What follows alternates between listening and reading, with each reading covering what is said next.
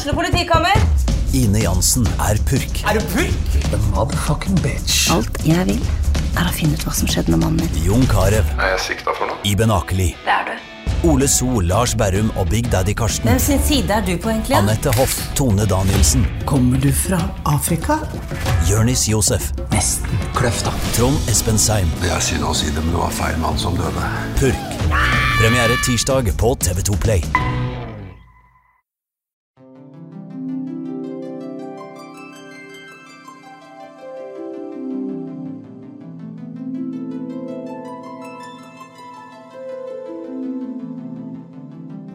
Hey all you cool cats and kittens, og velkommen til en Final Fantasy 7 Remake spoilercast. Da med spoilere for både Final Fantasy 7 Remake og det originale Final Fantasy 7. Det er to forskjellige ting, og vi kommer til å spoile begge deler. Så, så hvis ikke du har spilt eh, hvert fall remaken, men også eh, egentlig originalen, så burde du la være å høre på. Hvis du ikke bryr deg om spoilere, skal du få lov å høre på, men eh, vær bevisst på at her kommer det store avsløringer om fremtiden til Final Fantasy 7 Remake, sannsynligvis også. Og fortiden. Så det, og fortiden ikke minst. Uh, og det er det viktigste å si helt på starten. Men jeg sitter jo ikke aleine her. Dere har jo hørt den vakre stemmen til Audun Rodem fra Gamer. Ja, Uh, Hvilken cat and kitten er jeg? Er en uh, puskatt, en geopard eller leopard? Hva, hva tror du, eh, Jostein? Fra Tror Radcrew? jeg tror du er en eh, panter. Oh yeah. En panter. Hva er du, Jostein? En cougar. Nei, det kom ut feil. Eh, kan, jeg, kan, jeg velge, kan jeg velge et annet dyr? Um, Du kan velge et annet dyr. ja, jeg Off the kan, rails med en gang. ja, det, nei, jeg må vel være en uh, Jeg må vel være en uh, jeg, jeg er ikke en leopard, jeg kan ikke løpe fort, så jeg, jeg er en sånn puma som ligger og hviler på ei grein hele tida. Da er jeg en eh, liten kattepus. Ingen som mener eh, løve Blanding av løve og katt som har vokst opp i et laboratorium eller blitt fanga av noen onde forskere. Ja, det hadde jo vært en relevant reference. Så tenkte, jeg tenkte ikke på har det. 13 som navn og sånt. Jeg vet ikke helt. det. Hadde vi vært litt smartere, så hadde vi kommet på den. Men vi, vi kan jo begynne med at eh, dere får lov å si litt om dere selv. Dere som, til alle som ikke har, eh, har, har kjennskap til dere fra før. Audun, vil du starte? Ja, jeg er jo Audun Rodem. Carl, vi har jo jobba litt av på sammen i de siste fem årene, egentlig. Jeg var jo e-sport-bidragsyter på Level Up under VG-tida. Stemmer. Og vi jobber jo på samme kontor nå. Jeg er redaksjonssjef for gamer.no. eh, og har, er også med i den podkasten som vi tre har hatt tidligere, som heter Eller het Alt fra Genovas vitner til Nobodies, og som vi pusler litt med en ny vri på nå, gjør vi det? Det gjør vi. Vi har jo faktisk eh, fullført en uh, Daja Novas vitner, som er en podcast som tar for seg alle Final Fantasy-spilla i hovedserien, som vi har vært innom alle sammen. Eh, og vi har også kjørt en Kingdom Hearts-podcast som da er The Nobodies. Yes. Og der er du også med, Jostein. Ja, det stemmer. Hei, hei. Jeg er her, jeg òg. Um, Hvem er du? jo, eh, jeg er en eh, fyr som eh, Som driver og lager noen podcaster, jeg også. Jeg, jeg holder på med noe som heter Rad Crew, som er et podcastnettverk. Vi lager flere forskjellige show om mye rart, egentlig. Og så er vi jo inkludert uh, dette her uh, Genovas vitner, da, som uh, som, som er Vi går dør til dør og forteller folk om Genova. Ja. Sprer glade budskap. Stemmer det. Den ko kosmiske dronninga Genova. Mm. Nei, men uh, jeg driver podkasten Radcrew og uh, henger med Audun og Carl på, på disse her uh, spin-off-greiene her, og jeg syns det er veldig gøy. Og nå gleder jeg meg til å snakke om Final Fantasy 8. Er det ikke det vi skal snakke om i dag? Jo, jo. Det Ja, ja. Final Fantasy 8 Remastered, som kom ut i fjor høst. Eh, Ja, stemmer. litt oppussa variant. Av, Ble litt skuffet over at ikke det var mer oppussa, så jeg hadde liksom hørt så mye hype om den remaken, og så, og så var det bare samme spillet. Jeg husker det var verserte rykter om at det skulle være voice acting. Og jeg var sånn, nei, det skjer ikke. Nei. bare tull. Bare tull. Nei, vi skal selvfølgelig snakke om Final Fantasy 7. Vi bare tuller med dere. Det, vi kan jo begynne da, med å si litt om uh, forholdet vårt til originalen. Og da, siden Audun begynte i stad, så kan Jostein få lov å begynne nå. Åh. Nå, eh, nå må ikke folk gå tilbake og høre og liksom sjekke at jeg sier riktig år og sånn, for, det, vi- for jeg har sikkert, vi snakka jo om dette her på Genovas vitner også. Yes. Men det eh, første Genovas vitner-podkast var jo om, om Final 7 for uh, tre år siden nå, så ja, ja, ja. Dette er jo en remake av en remake-podkast. Det er det. Jeg, tenkte, jeg tenkte jo Genovas vitner reunion. Ja, Ja, der har du det. Ja, ja, Det høres passe Nomura ut, ja. det gjør det. Men uh, vi Så jeg, mitt forhold til, til Final Fantasy 7 er at jeg kjøpte en eh, PS2 Slim. Uh, og da gikk jeg på butikken og kjøpte Og det var den, det var den tida da PS2 Slim var ny, da. Um, og så fikk jeg tak i eh, 7, 8 og 9, vel, på disk. Og den var jo bakoverkompatibel, og sånn, så da spilte jeg de på PS2 Slimmen. Mm. Nice. Mm. Og det var, ja, så det var jo seks-syv år etter spillet kom ut opprinnelig. Hva slags forhold hadde du til ekstrastoffet? da? Sånn compilation of Final Fantasy 7, sånn Dirt Dirge of Cerberus, Advent Children, Before Crisis, Crisis Um, Core, Jeg har, sett Away Ad to a Smile og alt det tullet der. jeg har sett Advent Children, det er det eneste. Ja, Hva med deg, Audun? Vel, uh, jeg spilte Final Final Fantasy 7 var mitt første Final Fantasy-spill, og sikkert det som har satt mest spor i både spillsmak og oppvekst uh, etter det. Jeg spilte det jeg var Jeg må ha vært 12-13 år, tror jeg, på PlayStation 1, og var mitt første japanske rollespill også, faktisk, så det tok meg jo litt på senga, hele greia. Det var et Mm. spill som var veldig Jeg liker å kalle det et formativt spill for meg, sånn sett, at det forma en del av smaken min, og det jeg hadde lyst til å fokusere på. Um, Ja, Du snakka jo som Barrett også i et par år. ja. Jeg prøvde å leve meg Altså, jeg tok en sånn, eh, en sånn Jared Leto-variant. vet du Jeg prøvde å leve meg inn i alle karakterene. Ja, ja. Eh, men så er jeg er superfan, og har egentlig alltid vært det. Det åpna en spillsmak for meg som var utrolig. Jeg skjønte, skjønte ikke alt da jeg var så ung, det skal jeg, huske, det skal jeg minne om, fordi oversettelsen til Final Fantasy 7 er jo litt uh, i brokken Mm. og litt vanskelig å forstå. Etter det så holdt jeg egentlig litt uh, tritt med serien og compilation av Final Fantasy 7-spillene også, som kom Ja, Advent Children kom vel i 2005, var det? Og så kom Dirge of Cerberus like etterpå, og Crisis Core. Har faktisk ikke spilt Urge of Cerberus så mye, fordi at det er et ganske dårlig spill. Men jeg har sett alle cutscenesa i en sånn oppsummerings-YouTube-video og sånt. Mm. Uh, jeg kan si at jeg er en av Norges eh, større Final Fantasy-fans, sikkert. Uh, Philip fra Lolbua vil vel, vil vel ta krona som den øverst, ypperste Final Fantasy 7-fansen. Han er veldig, veldig glad i den. Ja, jeg fikk med at han hadde en 24 timers livestream av remaken da den kom. Jepp. Og det, Så det er, eh, både jeg og du, Jostein, hadde vel eh, performances der. Jeg kan ikke Hva jeg det? Jeg kan ikke huske. Var ikke det? Jo, jeg var det. Jeg var det. Jeg var det, jeg bare tulla. Jeg hadde også lyst til å komme innom, men jeg var uh, ikke ledig den kvelden, så det var jeg litt lei meg for. I hvert fall, så Ja, jeg ble ganske bergtatt av Square Enix og Squaresoft som het på den tida. Så har jeg spilt veldig mye av spillene deres, og har ganske god kustus på hva det er som egentlig skjer her, tror jeg. Vi får se. Vi får se. Ja, jeg er er litt som Jostein. Jeg spilte, jeg spilte jo først uh, sekseren på sånn uh, fullstendig lovlig emulator eh, i gamle dager. Og så eh, endte jeg opp med å kjøpe Final Fantasy 9. Og så spilte jeg meg bakover derfra eh, til Final Fantasy 7. Så du spilte 8 før 7? Jeg spilte 8 før 7. Jeg spilte 9, Yes. 8 og så 7. Wow.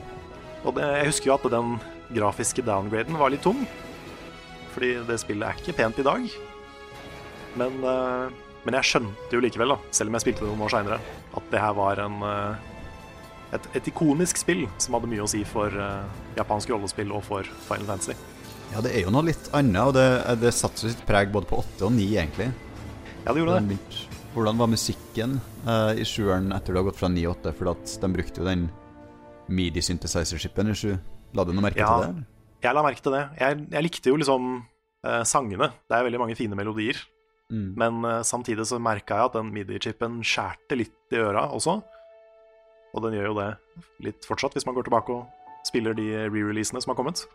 Ja, for de ble mye mer bedre til å bruke Jeg husker ikke hvordan eh, det funker i, i PC-en, men sample packs for å, for å få bedre lyder enn de gjorde i Final Fantasy 7, i hvert fall. Mm. Men jeg, jeg ble jo veldig fan av Final Fantasy 7. Um, selv om jeg rangerer ni høyere personlig, så er det liksom Det er oppi der. Mm. Og eh, spesielt da liksom universet og karakterene og alt er veldig sånn ikonisk for meg. Og de er så tydelige, veldig veldig 90s, alle de figurene. Så det setter man jo alltid pris på. Um, også sett Alvin Children. Uh, også spilt Dirge of Cerberus og Crisis Core. Um, jeg syns jo ikke de når opp til originalspillet. Nei. Jeg syns Advent Children er en visuelt kul fanservice-film, men jeg syns ikke storyen er sånn kjempebra. Men nå er jo Advent Children overgått på det punktet òg. Ja. Så, så den er jo egentlig fullstendig unødvendig i alle sammenhenger. ja, den har nesten Ja. blitt det. Vi får se, da. Det er sant. Vi, ja, vi får se. Det, er, eh, det kommer vi tilbake til etterpå, men eh, jeg er Altså, det, enig i at det, det jeg får ut av Advent Children, det, det får jeg ut Altså, det, det, ved å spille denne her remaken, så får jeg mer av det, og bedre, enn Ja. Advent Children gir meg. Det er helt Så- sant. Men uh, Dirge of Cerberus da, var jo også et, det var et spill om Vincent Valentine fra, uh, fra Final Fantasy 7. Han er ikke med i remaken ennå, for han kommer inn seinere. Det er så, Så sært. eh, De laga et spill av en optional character i et spill. Ja, for det er også er en ting. Han er jo optional. Han, du kan jo spille hele spillet uten å møte han. Ja, altså ikke, ikke velg en populær uh, karakter, altså Tifa eller noe sånt. Noe å lage spin-off av. Hvor er mitt uh, kiteski-spill? Sånn det uttales? Jeg tror det. Ja, sant? Du kunne faktisk være han i en del av Dirge of Cerberus også. Ja, det var egentlig et uh, Egentlig så viste det seg når du har spilt her spillet, at det var et Kaichi-spill hele tiden. Ja, The Twist. Men uh, nei, jeg spilte det ganske mye, og jeg syns jo Jeg husker at jeg likte historien på den tida. Um, men det var jo da fordi dette var en periode hvor det var kult å være mest mulig edgy i spill. Så du fikk jo Shadow the Hedgehog, og du fikk et Vincent Valentine-spill. Så det, jeg føler det er litt sånn i samme gate, da. My Chemical fikk Romance uh, rulla listene, og det var, det var en tid, Oh, yes. en periode. Evanescence for the win. Prince of Persia 2. Oh, yes. Within. Ja. Så eh, Nei, jeg, jeg likte det da, men det er, det er et, et veldig eh, halvveis tredjepersons skytespill med litt RPG-elements. Og, og fantastiske som- full, motion videosekvenser, som alltid. Ja, absolutt. Og så hadde du jo da eh, en litt sånn utvida del av historien om Vincent og Hojo, eh, og da Lucrezia, som var en, eh, en kvinne fra Vincent sin fortid. Og det- Deep Ground. Og Deep Ground stemmer det var det det het. Som var en sånn Med- gjeng med genetically enhanced soldater, var det ikke det? Mhm. Så det var mye greier der òg. Som er da en oppfølger som er satt etter Final Fantasy 7. Ja. Og så er det da Crisis Core, som er satt uh, før Final Fantasy 7. En slags prequel som handler om Zack. En figur som uh, er viktig for Clouds fortid. Så uh, ja. Det er mye, det er mye Final Fantasy 7 der ute, men nå har vi sånn kanskje Mar- snakka oss Begynner å bli litt sånn Marvel-vibba av hele greia, egentlig. Ja. Litt sånn, ja, Har du ikke sett den her ene filmen om den ene figuren i Marvel, så skjønner du ikke endgame-greia, liksom. vi, Men det er ikke en helt fair punktet. sammenligning, fordi Marvel stort sett har laga ganske lette, lett fordøyelige filmer, da. Jo, jo, men samtidig, hvis du må se 22 filmer før du kan se Endgame Du må ikke, Du vil jeg påstå. Du, du bør, Du bør. det Du bør, det bør du. Du må ikke spilt uh, compilation of Final Fantasy-spillene for å spille Final Fantasy 7 Remake heller, men Nei. Nei. det kan vi gå litt nærmere inn på etterpå. Men jeg kan Takk for pris for det. Hmm. Nei, for vi kan, jo, vi kan jo gå litt videre fra compilation og Final Fantasy 7 til da det nye spillet som har kommet, Final Fantasy 7 Remake, som, eh, som er en Altså, jeg mener jeg har hørt at i hvert fall foreløpig så er ikke noe av det andre Final Fantasy 7-relaterte relevant. Oi, oi, oi, vi får se, vi får se. Vi får se, Um, vi får se. Men uh, akkurat nå så skal du fint kunne hoppe inn i remaken uten å ha noe kjennskap uh, til Final Fantasy 7-universet fra før. Ja. Så, uh, så det er det sikkert mange som har gjort. Sikkert mange som hører på den spoilercasten her uten å ha spilt noe av det tidligere. Men tenk litt på akkurat det her nå. Nå skal vi jo spoile slutten og sånt med en gang, så who cares? Men tenk på hva i alle dager de som aldri har spilt noe Final Fantasy 7 før, tenker når det når slutten, og så kommer det en sånn fyr med svart hår som ser ut som Cloud, har sverdhals. Ja. De skjønner jo ingenting av det. Nei, det er eh, Jeg tror mye av det, eh, spesielt, da, er laga for de som har spilt originalen. Eh, Som en sånn Mhm. curveball til dem. De nevner vel ikke Zack annet enn at du ser eh, leppene til Erith si Zack. Ja, de gjør den standard animegreia med eh, Skal jeg si et navn, men så obskurer du det med en lydeffekt, eller, eh, Ja. eller noe sånt. Mm. Det- Men da så jeg at hun sa Zack, da. Men det er, jo, det er jo umulig å se hvis ikke vet om at det er noen som heter Zack. Ja, for at hun nevner aldri Zack, og Zack blir ikke nevnt med navn i det hele tatt i spillet. Så Nei, det er sant. Du får, se, du får se den, men du får ikke se hva han heter, eller noen ting. du skjønner ikke at det er fortid, sånn som vi skjønner. Du skjønner ikke at uh, Altså, ja, det er så mye ting her da som vi plukker opp som ikke andre folk gjør, ikke sant? Som ikke har spilt spillet. da. Med Men mindre jeg man har- går på Wikipedia og Jeg har en ting å si om den scenen der, men jeg vet ikke hvordan vi skal angripe dette her. Nei, ikke heller. vi, vi, kan jo bare egentlig hoppe ut i det og adressere The Tsuyo Nomura in the room. Og bare snakke om, snakke om, slutten med en gang.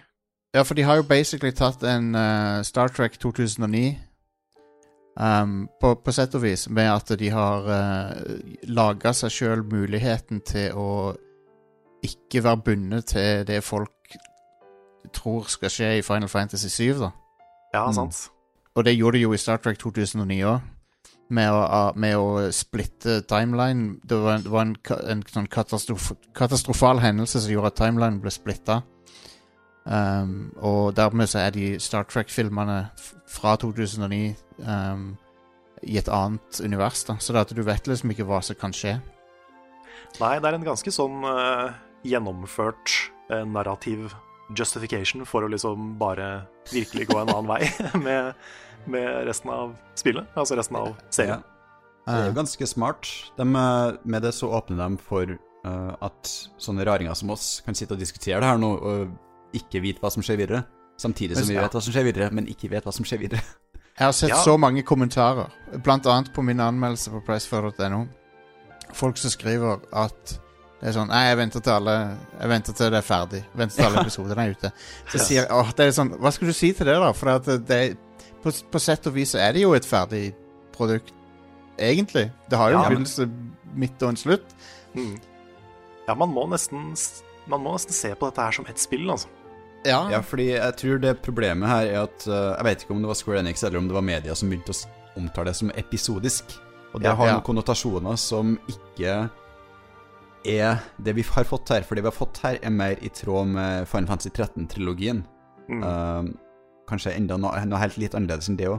For det er ikke sånn at du må vente til slutten av Star Wars for å se Star Wars igjen. Liksom, det er ikke sånn det funker. Nei, nei, nei. nei jeg har tenkt litt på God of War, det nye. At det er, liksom, det er, det er veldig tydelig første Nei, det, det, er veldig tydelig første liksom, del av en historie, da. Ja. Men det er jo et, ingen som tviler på at det er et fullverdig spill. Fordi når du sier episodisk, så tenker du Telltale, du tenker um, Ja, Life is Strange. Uh, Life is Strange, den typen spill.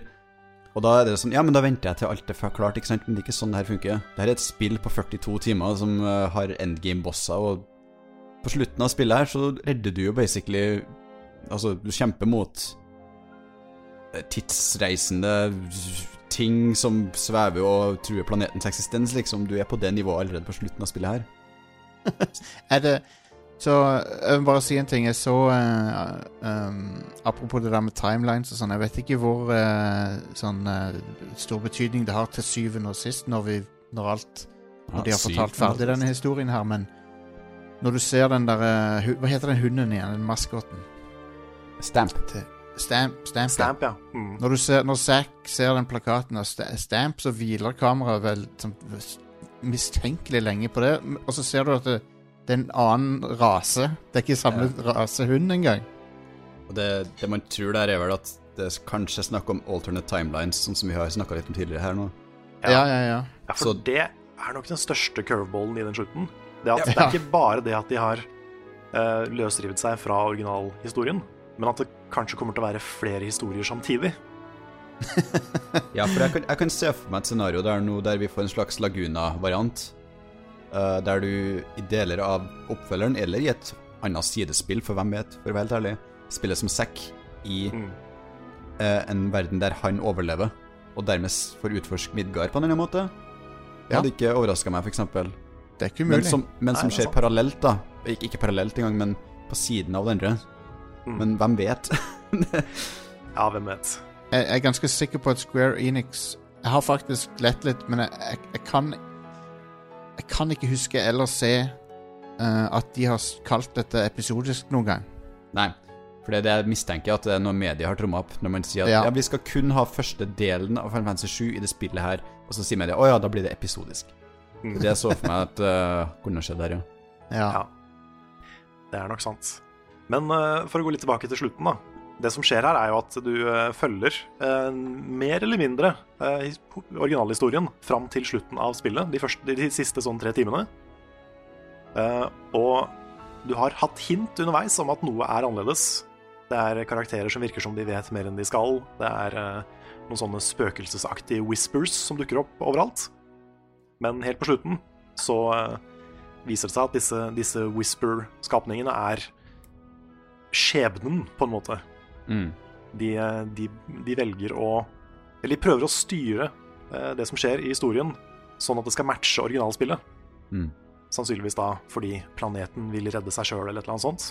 Ja, for det, nå husker ikke jeg akkurat det, men er det sånn at de er en del av planeten på samme måte som livestream? At de er essensen av folk som har levd tidligere? Var det det som ble Ja, hinta til? jeg tror kanskje det. At de er, det er i hvert fall en annen form av the livestream.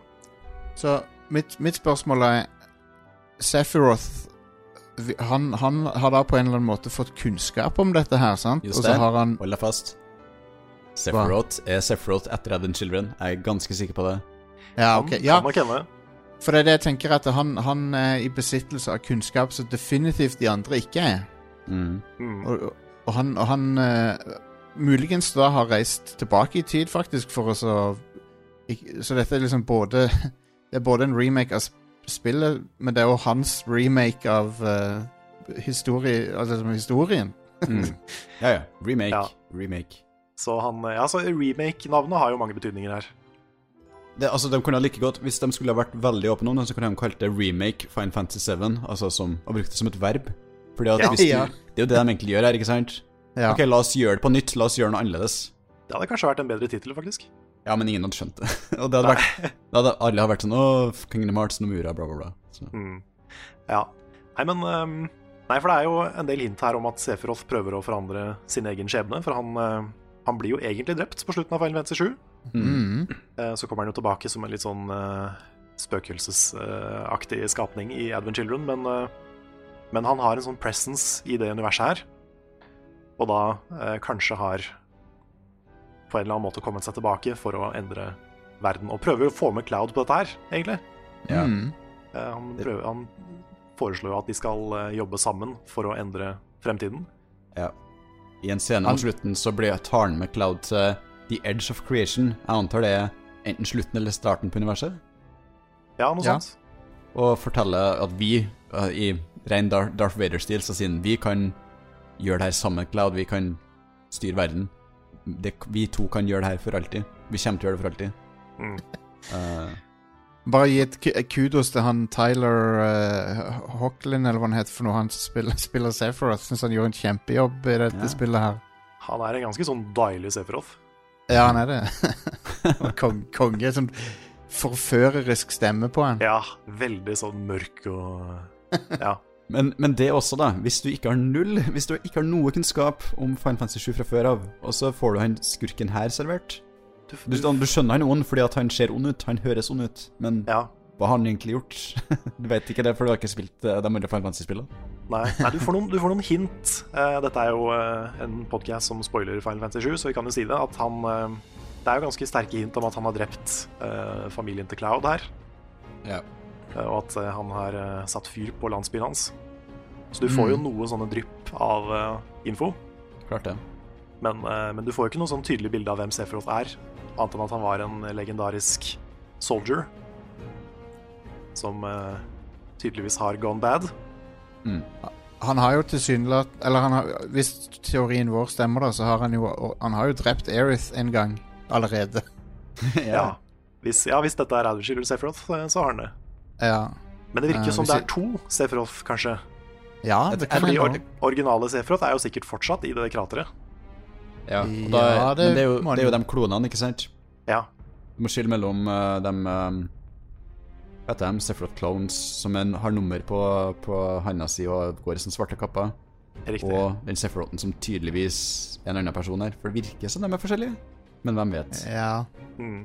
Ja, fordi det er litt eh, Det er en sånn liten detalj som ikke jeg catcha, men de, eh, du, fin- du finner jo to sånne i remaken. Mm. Eh, det er vel nummer 50 eller 40 et eller annet, og nummer to, tror jeg. Ja, 49. Ja, 49 tror jeg det er. Og jeg, jeg mener å huske at jeg har hørt at 49, han som heter Marco, er han som du møter på slutten av um, På toppen av Shinra Tower. Ja, ja, han Marco-fyren som du møter i starten av spillet i den, uh, det boligkomplekset, ja. Det, det er nok Ja. sikkert sant. At det er han du ser på toppen av eh, Shinra HQ. Er, er, det, er dette bare en veldig innfløkt måte å gjøre det sånn at Aerith ikke dør? Det er det, altså, jeg har tenkt mye på det der, og det er det jeg ikke håper. Fordi det har vært så mye altså, Folk var jo pissed, husker jeg, i gamle dager da det her skjedde. Og de Ja. nekta å tro at Aerith, at Aerith kunne dø. Mm. Så jeg håper på en måte ikke de har cava til det. da Kanskje hun kan dø mer på, sin, på sine egne terms, da. På, hvis de får til det på en eller annen måte. Ja, For dette er jo liksom et av de mest ikoniske øyeblikka i spill. Det er det. Så Det jeg håper på en måte ikke at de visker det ut. Men samtidig, altså det kommer så an på hvordan de bruker det òg i historien. Det er liksom det. For problemet her er jo at Final Fantasy 7 Hvis du skal destillere det ned til tematikk, så er jo Final Fantasy 7 et spill om det å akseptere skjebne. Ja. Egentlig, og bare si at OK, det som skjer, det skjer. Vi kan ikke styre alt. Og det, det, det gjennomsyrer hele spillet fra Fra i hvert fall Eris sin død til slutten. Kanskje ikke så mye før det, men det er et tydelig tema gjennom det her. For det, I Final Fantasy 7 da, så blir jo Meteor summona. Meteor er en svært meteor som skal krasje til planeten og ødelegge alt liv. Uh, og det å På slutten så aksepterer jo egentlig alle det at Ja, men sånn er det. Vi er ferdig. Nei, vi kan ikke gjøre noe mer. Nei, sant. Så spørsmålet er om de, de undergraver det hvis de uh, begynner å tukle med at ja, men hva om vi kan redde denne virkeligheten? Hva om vi kan endre det? Da Mm. på en måte begynner du å skape et narrativ som, som går på tvers av det de allerede har etablert. Som, jeg vet, det kommer ikke til å funke så bra med de virkemidlene, med mindre de gjør det veldig bra. Det er jo en, en, en parallell her er jo Terminator 2 og Terminator 3, for det Terminator 2 uh, etter, hva er det, hvordan, er, hvordan er nå dette her igjen? Nei, ja, det er litt omvendt, for det, Terminator 3 er den som sier at, skjeb, at uh, skjebnen kommer for deg uansett. Mm. Mens Terminator 2 er Så treeren motsier toeren. For toeren på slutten av den så sier Sarah Connor at ja, nå er det Nå har vi gjort oss fri fra Judgment Day, liksom. Men treeren så kommer Judgment Day uansett. Ja, for det jeg mistenker her nå, er jo at de har det samme greia. At du kan ikke unnslippe skjeb- skjebnen. At det er på en måte poenget her. At uansett, uansett, uansett hvor hardt vi prøver, så kan vi ikke rewrite history, liksom. De tar og Final Destination det, sånn at uh, Yep. Sånn at hun Aerith blir uh, snubler, snubler på en kjøkkenkniv eller noe sånt noe. Ja, det er det jeg ser for meg. Altså, Nei, men jeg, jeg tror dere har rett, da. At dette er eh, Det bygges opp til at man kanskje nå skal tenke at man kan redde Aerith, og så får man det sjokket igjen om at hun dør likevel. Jeg Ja. tror kanskje det er det de prøver på. Å skape litt den der, at, at den opplevelsen kommer på nytt. da Men at ikke vi vet det allerede. og det er det de har lykkes med ved å være såpass vag og såpass uh, uh, selvrefererende som de har vært i Final Fantasy 7 Remake, er jo Mm. nettopp denne diskusjonen som vi har nå. Det at det sitter folk verden over og diskuterer her på nettfora. Det, det er jo Nomura twist by genius. Det er liksom det han gjør.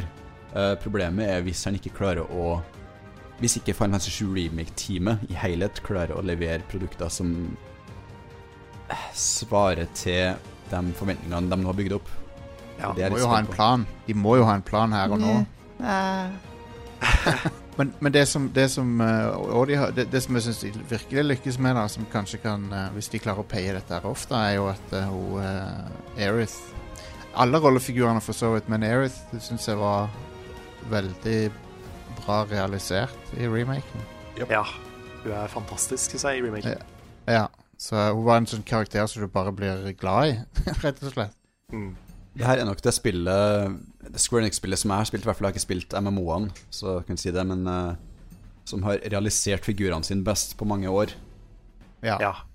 ja, jeg er helt enig. Jeg syns også um, Jeg tenkte litt sånn før release på Barrett, som var en ganske sånn karikert figur i originalen.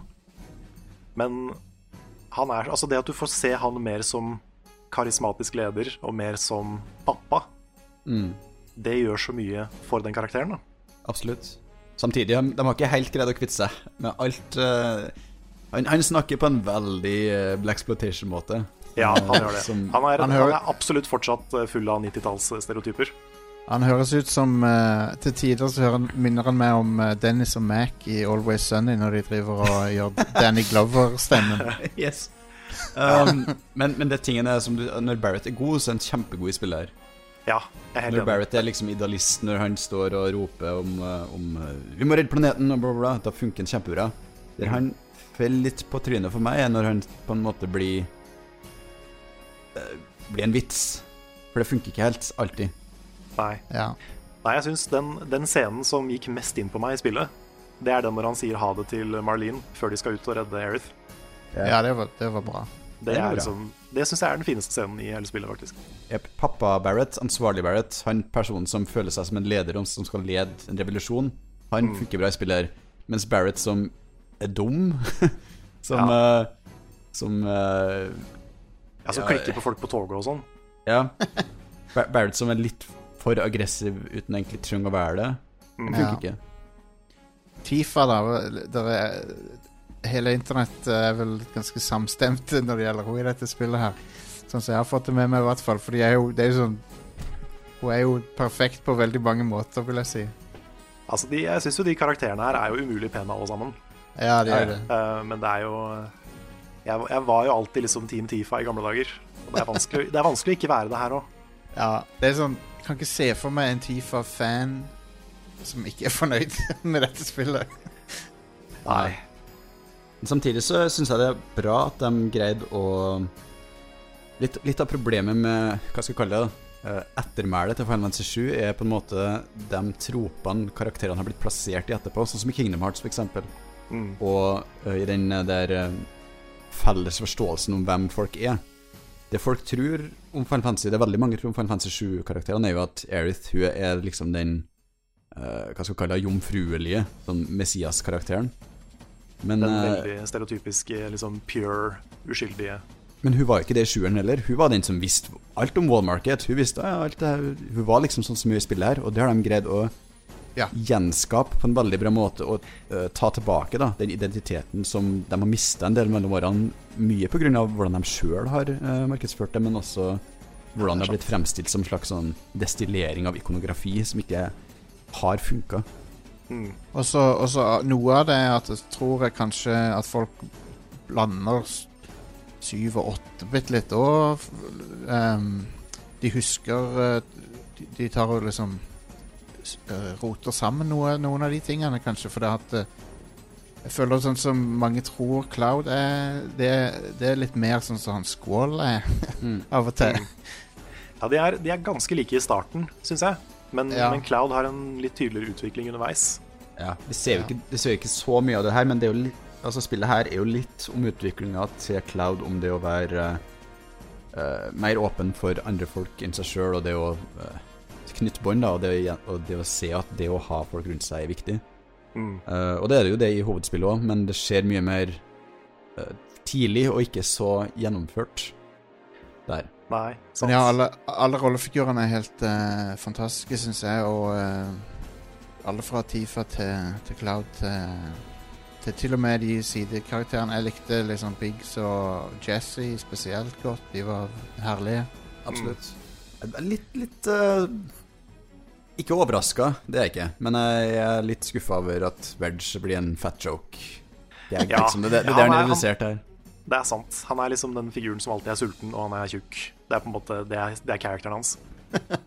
Men han, han, får, ja. Litt, han får litt mer eh, utdyping, utdyping etter hvert.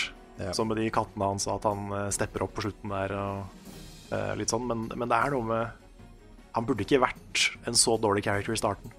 Men overlevde han? Det lurer jeg på. Ja, det fikk vi ikke se. Ah, nei, Han, han, ble dratt, han ble dratt ut av Shinra Tower på slutten av Whispers of Fate. Betyr det Ja. at de drepte den? Det er litt sånn implied, men man dør aldri hvis ikke man vet at man dør, da.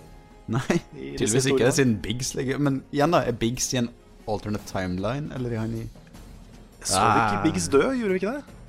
Mm, Nei, Biggs, du ser han våkne opp igjen.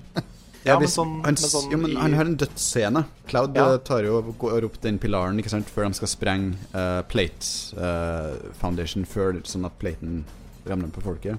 Mm, Ja. Og da dør Biggs på kamera. Altså han sovner inn, da. ja. ja. Samme Så jeg vet ikke helt hvorfor han er der. Er det Zack sin timeline? Er det Hva er det som skjer her? Altså, det kan hende det er Zack sin timeline, og at Biggs overlevde fordi Zack var der, f.eks. Jeg Kanskje? vet ikke. Det er ikke umulig. Hva om vi får Final Fantasy 7 remake Sack Edition, som er det samme spillet, bare med litt små forskjeller, bare at det spiller sexy for Cloud? Hæ? Jeg, Ja, jeg kan tenke Kanskje DLC der du på en måte parallelt spiller en del av de samme tingene. Men det kan hende de har lyst til å bruke Midgard mer, siden de brukte så lang tid på å lage Midgard i det spillet her. Ja, herregud. Så, så Men- kanskje de har laga liksom en sack spin-off for å kunne bruke Midgard igjen. Jeg kan aldri tro at de forteller uh, resten av Final Fantasy 7 sånn som vi kjenner det, med det detaljnivået. Det tror jeg det, det- og, og det må jo være en av grunnene til at de har gjort dette her. Jeg er litt usikker, faktisk, fordi eh, vi står jo overfor en ny konsollgenerasjon nå. Um, og det koster mye penger, helt klart, men spesielt det med SSD-lasting på konsoller, som sørger for en betydelig kjappere innlasting av eh, data, gjør jo at de kan skape de detalj de detaljnivået som de faktisk ønsker å gjøre, men samtidig ha større åpne områder. Jo, jo, begrensninger er jo øh, mennesker Ja, som jobber på det, da. Helt Det klart. Og det er jo det som jeg er spent på, da, om de, hvilken vei de ønsker å gå. Remaken stopper jo på den delen av spillet hvor eh, det åpner seg opp, hvor du kommer til world-mappet i originalen. Og du eh, kan utforske Du kommer til en ny by, en liten sånn village, eh, som heter Kalm. Og så eh, må du temme en sjokobo for å komme over en eh, elv hvor det er et svært eh, monster. Det er Midgardsormen. Ja. Så, så det er mye Altså, resten av spillet er jo veldig annerledes.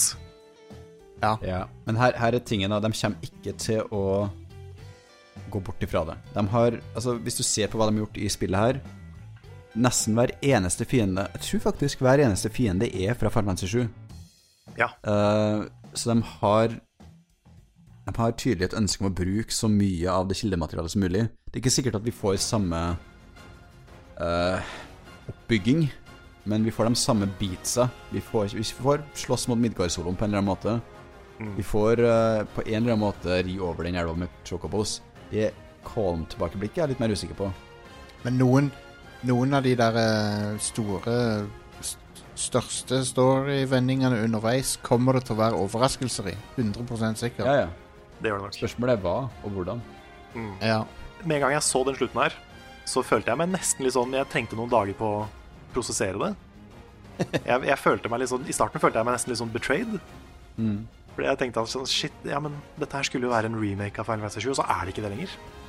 Hva, hva, har, de, har de liksom Har de ljugd til meg? Så jeg, jeg måtte, måtte på en måte tenke meg litt om en stund før jeg fikk et litt mer naturlig forhold til dette her, da.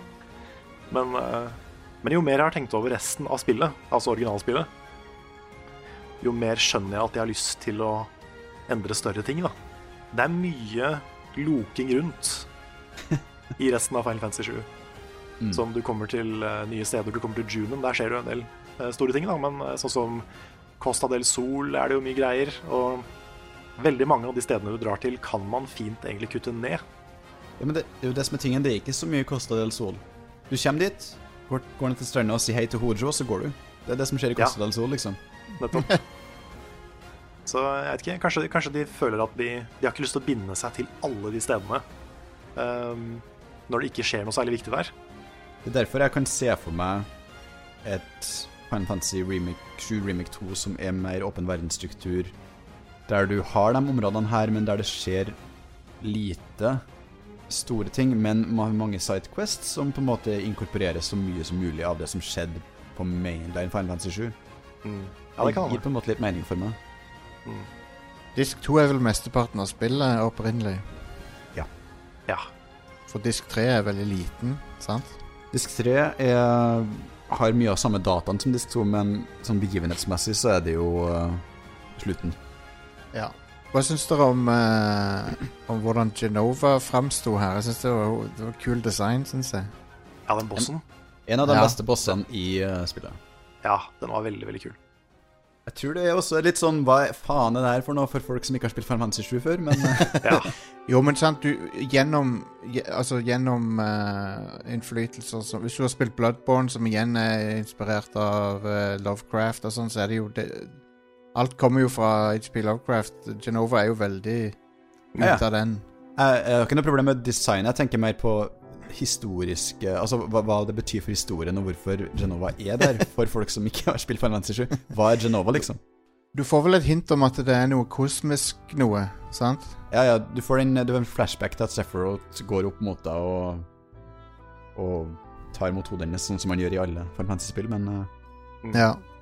Jeg, skulle, jeg skulle veldig gjerne hørt noen som har vært helt isolert fra Final Fantasy 7, Ja. uh, ikke har noe peiling. Ikke har spilt noen spill i serien fra før av. Bare spill spill her og sånn hva, Vet du hva det her er? Ja, fordi, fordi det som er tingen, er at Nick er den personen. Oh. Og Nick skal spille Han har begynt å, Han har lasta ned Final Fantasy 7 Remake nå. Og skal spille gjennom uten, uten noe kunnskap. Han vet ikke om Wow. Aerith engang. Ja, men OK. mm, Nick, er, Nick har sett mye anime. Ja, Stemmer? Det har han. Jeg tror kanskje han kan plukke opp en del ting derfra. Ja, det kan, kan nok hende. Det, er jo, det spillet her er jo enda mer anime nesten enn det originalen var. Mm, vi får se. Jeg er veldig spent på hva Nick sier. Ja, jeg også er kjempespent. Han, er, han høres virkelig ut som en sjelden uh, unicorn, han der. For det, det når, Hvis du har sett mye anime, men likevel har null kunnskap om Final Fantasy 7 Det er ikke så stort diagram av folk. Han, han vet jo sikkert uh, The Big Beats, tipper jeg. Sånn Aerithder uh, Det er det han ikke Ja. vet. Han vet ikke det engang? Han vet ikke det engang. Jeg har, liksom, jeg har gravd litt i hva han vet, og han vet ingenting. Så Oi, oi, eh, dette blir spennende, altså. Interessant. Må, du må sette den i et rom, sette den foran spillet, og så filmer du hele greia sånn som Big Brother-aktig. Ja. det, For jeg det du må håper litt at han går tilbake og spiller originalen etter at han har spilt remaken. Det er liksom, du, du gjør jo det på, hvis du liker spillet, tenker jeg. Ja. Det blir jo mer en uh, companion piece nesten til originalen enn det blir en uh, erstatning. Mm. Ja, men det, det, det, det er jeg faktisk litt nysgjerrig på. Um, jeg, jeg tenkte litt på det da jeg begynte å spille det, fordi at jeg er jo veldig lite fan av um, Hva skal vi kalle det? Uh, Prequelitis er vel det begrepet jeg har hørt om det før, men det er basically den um, Det at du kan ikke lage Altså, Hobbiten er et perfekt eksempel. Hobbiten er en filmserie, Peter Jackson sin Hobbiten, som er laga etter Ringenes herre, men Ringenes herre er egentlig en oppfører til Hobbiten. Ergo kan du ikke unngå å vite hva som skjer i Ringenes herre uh, uten å lage Hobbiten. Dermed blir det veldig mye referanser til Ringenes herre i Hobbiten, som blir veldig sånn påtvunget unaturlig. Og det er jo litt det problemet masse remakes havner i fella med å føle. Og noe av det jeg har tenkt litt på med Final Fantasy 7, er at man uh, Du veit at den som spiller spillet, har spilt Final Fantasy 7 i stor grad. Veldig mange, i hvert fall. Og dermed så begynner du å lage spillet for dem, for publikum som allerede vet hva det er. Uh, og det er det jeg syns er mest imponerende med Final Fantasy 7 re eh, remaken her, er jo at de har greid å sidesteppe det ganske godt ved å gjøre det til en uh, en ting som skjer i, i historien, da. Men selvfølgelig vet uh, Aerith om det her. Hun vet jo om det i historien. Hun har eh, fått noe glimt av det fra planeten. Selvfølgelig, det er helt naturlig. Og det har de story justifia den der typiske «Å ja, hvorfor er Legolas i Hobbiten-greia? Ikke sant? De har fått det til å funke. Og uh, Cloud ser jo òg fremtidige ting. Ja, ja for vi, uh, vi slutta jo ikke å si hva som skjedde på slutten, fordi som du nevnte, Audun, så er jo Final Fantasy 7 en historie om å akseptere skjebnen. Mens siste boss, uh, nesten siste boss i Final Fantasy 7 Remake, er at du dreper jo skjebnen. Du, du dreper Ja. The Arbiter of Fate, eh, og får da hint om at du nå kan forandre hva som skjer. For de får jo sånne glimt, eh, blant annet da Nanaki eller Red 13 får et glimt av eh, slutten på Final Fantasy 7. Mm. Og Erith Aerith, eller Cloud, husker jeg ikke, får noe glimt av eh, at Aerith dør, uten at du ser det direkte. Ja, og noen Jeg tror Tifa får glimt av Meteor. Ja, stemmer. De tolker jo det her som the bad ending, på en måte. En, en slutt de må endre på. Og det også er litt interessant, fordi i originale Final Fantasy 7 så fikk du ikke vite om menneskeheten overlevde. Det var jo implisert at det ikke gjorde det, med tanke Ja. på altså du får meteortreff, og så et lysglimt, og så Aerith som ser opp, og så Red, eller Nanaki, da, som springer av gårde med barna sine 500 år etterpå. Mm. Og så ser du at hele Midgard er uh, vokst igjen, da. Yep. Så eh, jeg, jeg tolka det alltid som en sånn åpen slutt, hvor liksom kanskje Midgard er abandoned, men kanskje menneskeheten lever. Men det var kanskje fordi jeg var ung og naiv. Men det var jo det compilation of Final Fantasy 7 sementert, da. At Ja, det er sant. eh, verden overlevde. Eh, de gjenbygde Midgard. De laga Edge eh, på siden av det, og så Ja, ikke sant? Eh, Altså, når er det Advent Children foregår igjen? Det er To år etterpå, er det ikke det? Jeg tror Ja. det. Og så Dirge ett år etter det igjen. Ja, stemmer. For der er det jo Det er jo folk der. Så Ja, og verden overlevde. ja. Jeg skulle litt ønske at ikke de lagde Advent Children. Altså. Enn en om Final Fantasy 7 Remake er et forsøk på å uh, fjerne Advent Children og compilation av Final Fantasy 7. Kanskje. En, enten fjerne den eller rettferdiggjøre at den fins. Største legacyen til den filmen er vel at han uh, etablerte de moderne designene til karakterene. Mm. Den var ganske imponerende teknisk òg da den ble laga, men uh, som du sa, Jostein, ikke lenger nå. Det var en god fanservice-film. Ja. Den, Men- er, den er rot, ass. Den er veldig rotete. Veldig. Men, og, og det nye spillet, alle rollefigurene ser bedre ut. Eh, De, de, de, ser, de ser faktisk bedre ut i in game-grafikken òg, vil jeg påstå. Jeg er enig. De ehm, Jeg er helt egentlig helt blåst av banen av hvor bra de har klart å redesigne hver eneste character. Ja. For de ser Altså, jeg ser for meg at det er en sånn ting som en million folk kommer til å klage på nesten uansett. Men de har, de har gjort det så bra. De har det. De, det bare For meg så ser de helt perfekte ut, sånn som de burde se ut. Og det er ikke bare hovedpersonene, men det er sånn Heidegger og Hojo og Ja, selv om jeg, jeg så for meg Heidegger mer som en sånn svær uh, hva skal vi, Litt sånn Robotnik-type, da. Å ja. Jeg likte, jeg, likte han han her for han Jeg, jeg, jeg bare syns han var kul her. Han minte meg litt om Brian Blessed eller noe sånt noe. Ja, ja, ja, godt poeng. Men eh, president Shinra er jo veldig bra også. Han fikk du Ja, nesten ikke se i, eh, i sju. Ja. Han var Nei. konge. Det var det som er imponerende, at de har greid å Fordi Fire Fantasy 7 er et rart spill. Det er mye rart grafisk der, egentlig. At de har greid å meshe det her til en, en troverdig, enhetlig grafisk uh, presentasjon, det er jo imponerende i seg sjøl. En troverdig verden, liksom. Hvem skulle ha trodd det? Til og med Hellhouse. Til og med Hellhouse. Hellhouse Å, så sykt Som- awesome Hellhouse var. er en av de beste bossfightene i det spillet. Ja, Ja. Dritvanskelig på hard mode, men veldig kul. Jeg har ikke spilt den på hard mode, jeg tør ikke. Åh. Jeg vet du hva, det, det spillet Jeg syns det ble bedre på hard mode, for det er så du, du får en sånn helt annen forståelse for kampsystemet. Jeg spilte gjennom kapittel 1 på hard mode, og jeg døde første gangen jeg kom til Scorpion-bossen. Ja, Skal vi si litt om det, eller kampsystemet og sånt? Ja det, jeg hadde egentlig planer om at vi skulle ta en liten sånn story recap, men det er ikke sikkert vi trenger det. Story recap, vi kan gjøre det. Ja, fordi jeg tenker alle som hører på den eh, podcasten her, har jo vært gjennom storyen. Jeg vil jo tro at de som har hørt de siste 50 minuttene, i hvert fall vet hva historien er, ellers så har de ikke giddet å høre på resten. Nei. Bare vi som, vi som snakker feberfantasi om Sephiroth som tidsreise og Zack som er tilbake og sånt. Sant. Så eh, kanskje, vi, kanskje vi skal skippe story recapen, eller snakke litt om eh, andre ting. ja, vi kan gjøre det. Den beste implementeringa av et Final Fantasy-kampsystem siden Jeg veit ikke. I agree. Ja, nei, det, det, fun det funker som bare pokker, syns jeg. Altså. Det, um, jeg tror alle har innsett at Square kommer aldri til å gå tilbake igjen til den rene turbaserte greia. Ikke i Final Fantasy-spillene, nei. Nei, nei det, det er mer for sånne små spill. Du har Bravely Default, som egentlig bærer den arven videre. Ja, de har, de har ført det videre. Også hvis du går ut, ut av Square Enix, da, så har du jo Dra Eller er Dragon Quest også er fortsatt turbasert. Ja, ja. Men uh, Persona tenkte jeg på. Ja. Ja, Persona, det er jo Selvfølgelig. Men uh, forresten, Bravely Default 2 Jeg hater artstylen på det, men det er et sidespor. Det, jeg syns det ser mye verre ut enn eh, på, på de DS, eh, 3, 3D-spillene. Og er det ny, Men- ny art director? Ja, det er ny, en, en ny, helt ny artstyle på det, Ah. som er bare rar. Mm. Men uh, hva er det jeg skal si? Jo, kampsystemet. Det er, jeg syns det er en uh, det, et- det er et utrolig kult hybrid av gammelt og nytt, da. Mm.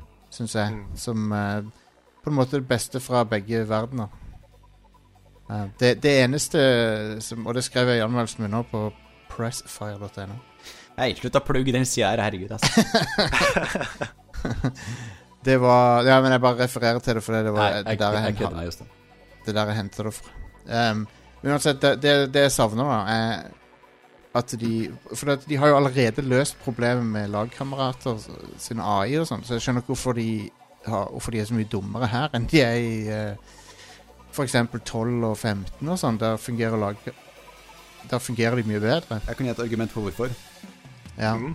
De ønsker å tvinge deg til å skifte. Ja. ja. Og, det, det, og det, til, til slutt så gjorde jeg jo det, da. For at du må jo, sant. Men jeg bare syns de var Ja, jeg føler de kunne truffet en litt bedre balanse der. Ved, ved å lage den A-en sånn, så får, tvinger de deg til å skifte mellom uh, figurene hele tida. Sånn som Ja, de gjør det. For det, det som er Det kampsystemet her, det er Designerne har sett på Final Fantasy 7, og så har de sett på ok, hva fungerer. Jo, kampsystemet er bra, men hvordan oversetter vi det til et uh, moderne publikum uten å miste sjelen i det hele? Så da må vi gjøre sånn at alle figurene er spillbare. Alle figurene er unike, for det er moderne. Men du må innom alle for å kunne vinne en kamp, eller ikke vinne, da, men altså for å få full utnytta, fullt uh, utnytta systemet. Og dermed så kan man ikke ha god AI, fordi da fjerner du det behovet. Ja, sant. Jeg, jeg skulle kanskje ønske at uh, det fantes enten en mode eller en, uh, en option for å ha litt mer aktiv AI. Litt sånn at du kunne legge inn noen sånne Final Fantasy 12-type gambits. da yeah. Yeah. At du kunne liksom Ok, du kan, for du kan gjøre det med Cure, men du kan ikke gjøre det med noe annet. Yeah. Så det at de automatisk bruker Thunder, f.eks., hvis det er en uh, fiende som er svak mot det, noe sånt. Du, kunne, du, du kunne hatt bare noe sånt så enkelt som tre settinger. liksom Aggressiv, defensiv eller balansert. Eller noe sånt noe. Mm, kanskje. Men jeg, jeg ser samtidig argumentet, da. Jeg skjønner, jeg skjønner, at dere, jeg skjønner hva dere sier, og jeg, men jeg er helt uenig, faktisk. Jeg tror styrken til kampsystemet her er at du må sjonglere uh, figurer, og at du må bruke deres styrker og svakheter for å uh, bekjempe bosser, og dermed må ta et mer aktivt valg på hva OK, men du kan jo alltids uh, bompe opp den menyen ved å trykke R2, ikke sant? Og så får du Tifa til å kaste eh, Thunder. Jo, problemet der er jo at eh, Problemet der er jo at eh, ATB-meteret går du kan, du kan ikke vente på det. Nei. Du må bytte karakterer for å bygge det opp. Mm, Ja. Det er sant. Men, men det, var, det var greit nok. Altså, jeg, jeg, klarte, jeg klarte jo fint å tilpasse meg til det. Så det er ikke noe ikke så stress. Nei, Jeg er ikke at det er vanskelig, jeg, bare, jeg tror det er derfor de har gjort det. Og for meg så funker det perfekt. Det, det gjør at Jeg ville aldri brukt Aerith, helt ærlig. Ikke sant? Med mindre jeg måtte.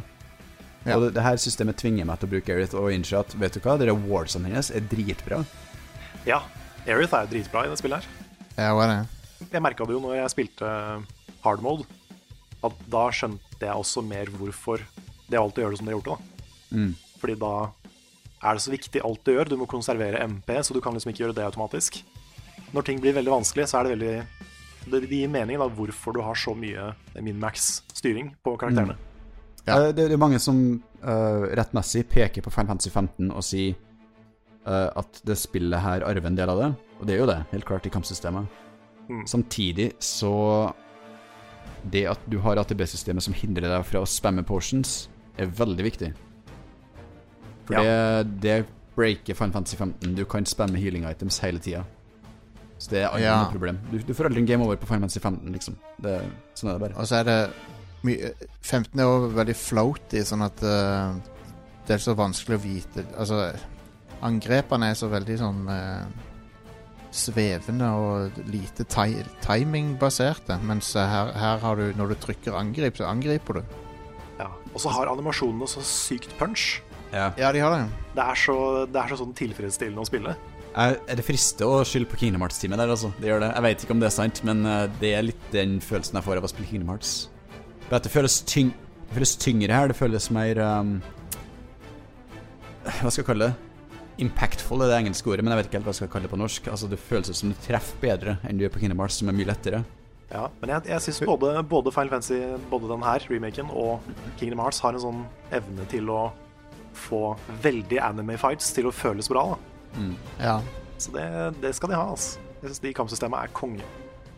De ehm, Husker dere da CyberConnect var de som skulle lage dette her? Yes. Ja, Nar Naruto Ultimate uh, Ninja Warrior-gjengen, ja. er det de? Ja. ja. Yes. og Asuras Wrath, vel å merke. ja. Asuras okay. Wrath er et kongespill. Det, det er faktisk veldig kult, det spillet. Det er kanskje ikke så mye pga. kampsystemet, Nei, det er av den bananas-storyen. og det får vi her Um, også. Jo, jo, absolutt. Men, men er er det én ting jeg tror kan være litt um, Hvis jeg skal anta ting om folk, så Final Fantasy 7 det var et spill som jeg kunne spille i så tidlig alder fordi at det tillot grinding. Det tillot at du ikke skjønte systemene helt, men likevel kunne komme deg gjennom det. Mm. Det spillet her gjør ikke det. Det spillet her krever en viss forståelse for uh, spillmekanikker som jeg er usikker på om alle kan. Ja. Jeg vet ikke hvor tilgjengelig det er utenfor liksom dem som vet hva Final Fantasy 7 er. Det er nesten, eh, det er nesten noe litt sånn tri-ace uh, over det, Mm. syns jeg. I, i, I den forstand at det er, det er ganske mye mer komplekst enn det mainstream publikum er vant med i, i actionspill nå om dagen. Fordi det er jo ikke noe easy mode, det er classic moden. Jeg vet ikke om den gjør det enklere eller ikke. Det, jo, det er samme, samme som Easy. Ok, så kanskje den på en måte er tilegna dem, da. Det, det står, eh, det står eh, hvitt på blått eller whatever der at det det, det, Vanskelighetsgraden er samme som Easy. Ok. Ok. Da, da håper jeg at den er tilfredsstillende for de folkene. Fordi jeg, Ja. det, det Ja. Jeg vil jo tro at classic mode er lettere å skjønne. Fordi her trenger du jo her trenger du å skjønne hva Parry gjør, liksom. Og det en Mm. elleve år gammel Audun ville jeg ikke helt ha vært innforstått med de systemene på det tidspunktet. i hvert fall. Nei, jeg vet ikke om du kan Kan du button-mashe på easy mode? Det Nei. Nei, for det stopper jo ATB-en hver gang du får fylt opp meteret, ikke sant? Ja. Button mashing kan ta deg gjennom noen fiender, kanskje, men uh, andre fiender må du utnytte svakhetene til og sånn. For det er jo ikke til å stikke under stol at mange spiller Final Fantasy pga. historien. Og at um, hvis man gjør kampsystemet for komplisert, så vil det ekskludere en del folk. Ja Eh, Nå spiller jo jeg 13 om dagen, og jeg vet ikke bare hvorfor jeg gjør det. Jeg, jeg, jeg, jeg har tenkt å spille 13 igjen når det kommer på GamePass, så Ja, ja. Uh, men uh, der er du jo uh, Det er jo en, Der spiller du jo som en kvinnelig Cloud. Men det, det Det systemet er jo ikke så rent lite komplisert, det heller, da. Nei, det er det jeg mener. Jeg tror 13 mista mye folk nettopp pga. det. Ja. Men samtidig så har de jo Ja, de gjorde jo kanskje Final Fantasy 8 òg, for det er jo kanskje det mest kompliserte. Du, du kan gjøre spillekort om til stats på deg sjøl Mm. Ja. i åtteren. Men, What the fuck er det? Hva er det for et system? men, men her er en innrømmelse, da, og jeg har snakka med flere folk som har hatt det her uh, greia, er at jeg kom meg ikke gjennom Final Fantasy 8 på første gjennomspilling. Jeg ble låst fast på adelkampen i Lunatic Ja. Pandora. Nøyaktig Eh, samme skjedde for- med meg. Nettopp fordi at jeg ikke skjønte systemene. Mm. Og så kunne du ikke grinde der. Nei. Så Nei, for det, grinding er jo meningsløst i åtteren. Yes. Men du, du, altså hvis du ikke skjønner systemene som er underliggende der, så er du eh, Spillet lærer deg å spille på en måte Eller kanskje ikke lære, men spillet oppfordrer til å spille på en måte som ikke funker der. Ja. Mm. Um, men Nå er det kanskje litt på siden siden av, sorry. Nei, men jeg må gi de, jeg må gi de cred for å liksom prøve å alltid ha noe nytt uh, hver gang. Ja, Men det jeg de, si, eh, eh, siden Jostein du spiller 13 igjen nå, så skal jeg si veldig kjapt at jeg tror Final Fantasy 7 Remake er kulminasjonen av det 13 prøvde å gjøre for ti år siden, blanda Ja. med det Kingdom Hearts-teamet har gjort de siste ti årene. Fordi det er så mange system Altså Staggered-systemet er 13. Ja. Det er hentet Ja, fra- ja, ja. Men så mye kulere. Så mye Yes. kulere. Yes. Og de lineære korridorene som Altså, for å være helt ærlig, Midgard her er ganske lineært, ikke sant? ja. Det eneste de har muligheten til å gjøre her, er å ha litt større åpne områder med, med innbyggere. Noe som de sa de sleit med å få til i 13. Fordi at eh, det er en konsollgenerasjon side, og de ønsker å ha høyere, bedre assets, ikke sant? Mm. Uh, så det her virker som det spillet de egentlig ønsker å lage med 13 på mange måter for meg. ja. Det er jo egentlig litt lignende tematikk òg, Ja. til tider. Defy Men Fate. Spesifikt, ja, spes spesifikt mellom remaken av syveren og 13. Mm. Uh, men jeg har, jeg har egentlig kost meg litt med 13 nå. Det, det, vet du hva, det, det er bra sånn tidtrøyte. Det er Ja. det er. Har elendig pacing, men uh, bortsett fra det, så er det et interessant spill, altså. Ja, jeg var ikke fan av historien i egentlig noen av de. Kanskje 13.2 var sånn det beste av de, Ja. men jo eh, 13.2 er det mest Kingdom Hearts av de, er det ikke det? Er det det? På mange, på mange måter. Ikke Sant? Lightning Returns, det? Jo, Lightning Returns, det var jo bare vås. jo, det, spill, det spillet er tullball. Men Jeg eh, likte, jeg likte gameplayet i det, men ikke, ikke storyen. det var interessant. Det var interessant gameplay, men men ja, dette Syv Remake har, eh, har et fantastisk battlesystem. Jeg, jeg skal definitivt gå tilbake igjen og leke litt med det, og sånn, for at det var Det er bare gøyalt. Um, og det, det er teknisk på en sånn måte som uh, minner meg litt grann om Platinum, litt grann om Tri-Ace sine spill. Mm. Um, men samtidig er det veldig Final Fantasy, da. Så det har, og det er jo en veldig motsetning der. Dragon Quest 11 er jo et relativt nytt spill òg. Det er jo ultrakonservativt uh, i forhold. Ja. Men, men på en bra måte, da. De, de, de gjennomfører det til perfeksjon, liksom. Det, det gamle, tradisjonelle JRPG-systemet er perfeksjonert i Dragon Quest 11. Men, mens her så har de virkelig naila en um, sånn moderne variant av Som er Ja, det er framt, framtiden til JRPG-er, liksom. Men for å gå litt tilbake til, um, til remaken kontra originalen, da. Mm. Det er jo masse som har blitt endra utenom den veldig kontroversielle slutten. Så er det, noen, er det noen endringer utenom de svære tinga som ikke dere likte? Ja, jeg syns uh, motorsykkeldelene var for lange av og til. Ja, I agree. Uh, det ville jeg vel Spesielt den siste var bare Come on! Jeg har lyst til å vite hva som skjer. Ja. Ikke Eh, det, jeg tror det var siste dagen i påskeferien. Jeg, hadde, jeg, begynt, jeg tror jeg tenkte ja, nå skal jeg fullføre Final Fantasy 7 Remake. Og på det tidspunktet så var jeg like før jeg skulle klatre opp fra Wall Market. Å ja, da har du fem timer igjen, da. Ja, seks Ja, faktisk. Fordi at jeg, å ja, jeg var sånn, ja, det tar sikkert tre timer. Og det Åh. Det tok så lang tid. Ja, Og jeg, jeg nekta å gi meg, så jeg la meg ikke før klokka halv seks den dagen. Sa, jeg tror det er samme her. Jeg skulle hjem eh, til eh, familien min. Og hadde bare den siste dagen igjen før jeg skulle runde spillet. Og var også på Wall Market og tenkte liksom det, det er snart ferdig. Men det ble seint. Klokka ble kanskje over seks, tror jeg. Og da kan jeg si at den eh, motorsykkelsekvensen Den varte ganske lenge når klokka var sånn ja, tre da, sikkert, for det tok jo to timer etter det òg. Ja. Ja. Men, eh, men det er litt min egen feil enn mer enn eh, spillet, da. Det er jeg som antar ting som jeg kanskje ikke burde anta. Uh, selv om gameplay i seg sjøl var OK på motorsykkelen. OK, det var, det var litt altså, Det var ikke nok. Altså, det var for langt til at det var interessant, for det var ikke nok Ja. eh, systemer å leke med der. Nei. Um, er det noe annet som ikke var bra? Jeg, den andre gangen du går ned i kloakken, syns jeg var ganske dratt ut. Ja, ja. Leslie, hele Leslie-kapitlet. Jeg ja vet, kan jeg jeg vet at Leslie er en figur som dukker opp i en novelle som uh, Kazushige Nojima, uh, som har skrevet masse som sidestæsj til Final Fantasy 7.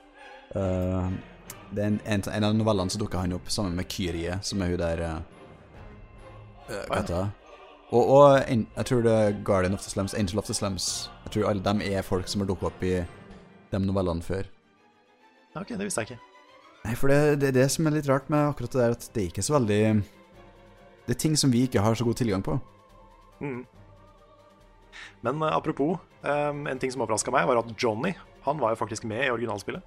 Ja, husker du ikke det? Nei, jeg hadde helt glemt Johnny. Johnny, Johnny gjør ganske mye av det samme som han gjør i originalspilleren. Han står utafor Honeybyen og og sliter med å komme seg inn der òg, faktisk. Ja. Nei, det er, det er sånn over ti år siden jeg spilte originalen, så jeg, har glemt, jeg hadde glemt Johnny. Er det den mest forbedra delen av spillet? Uh, hele Wall Market-greia?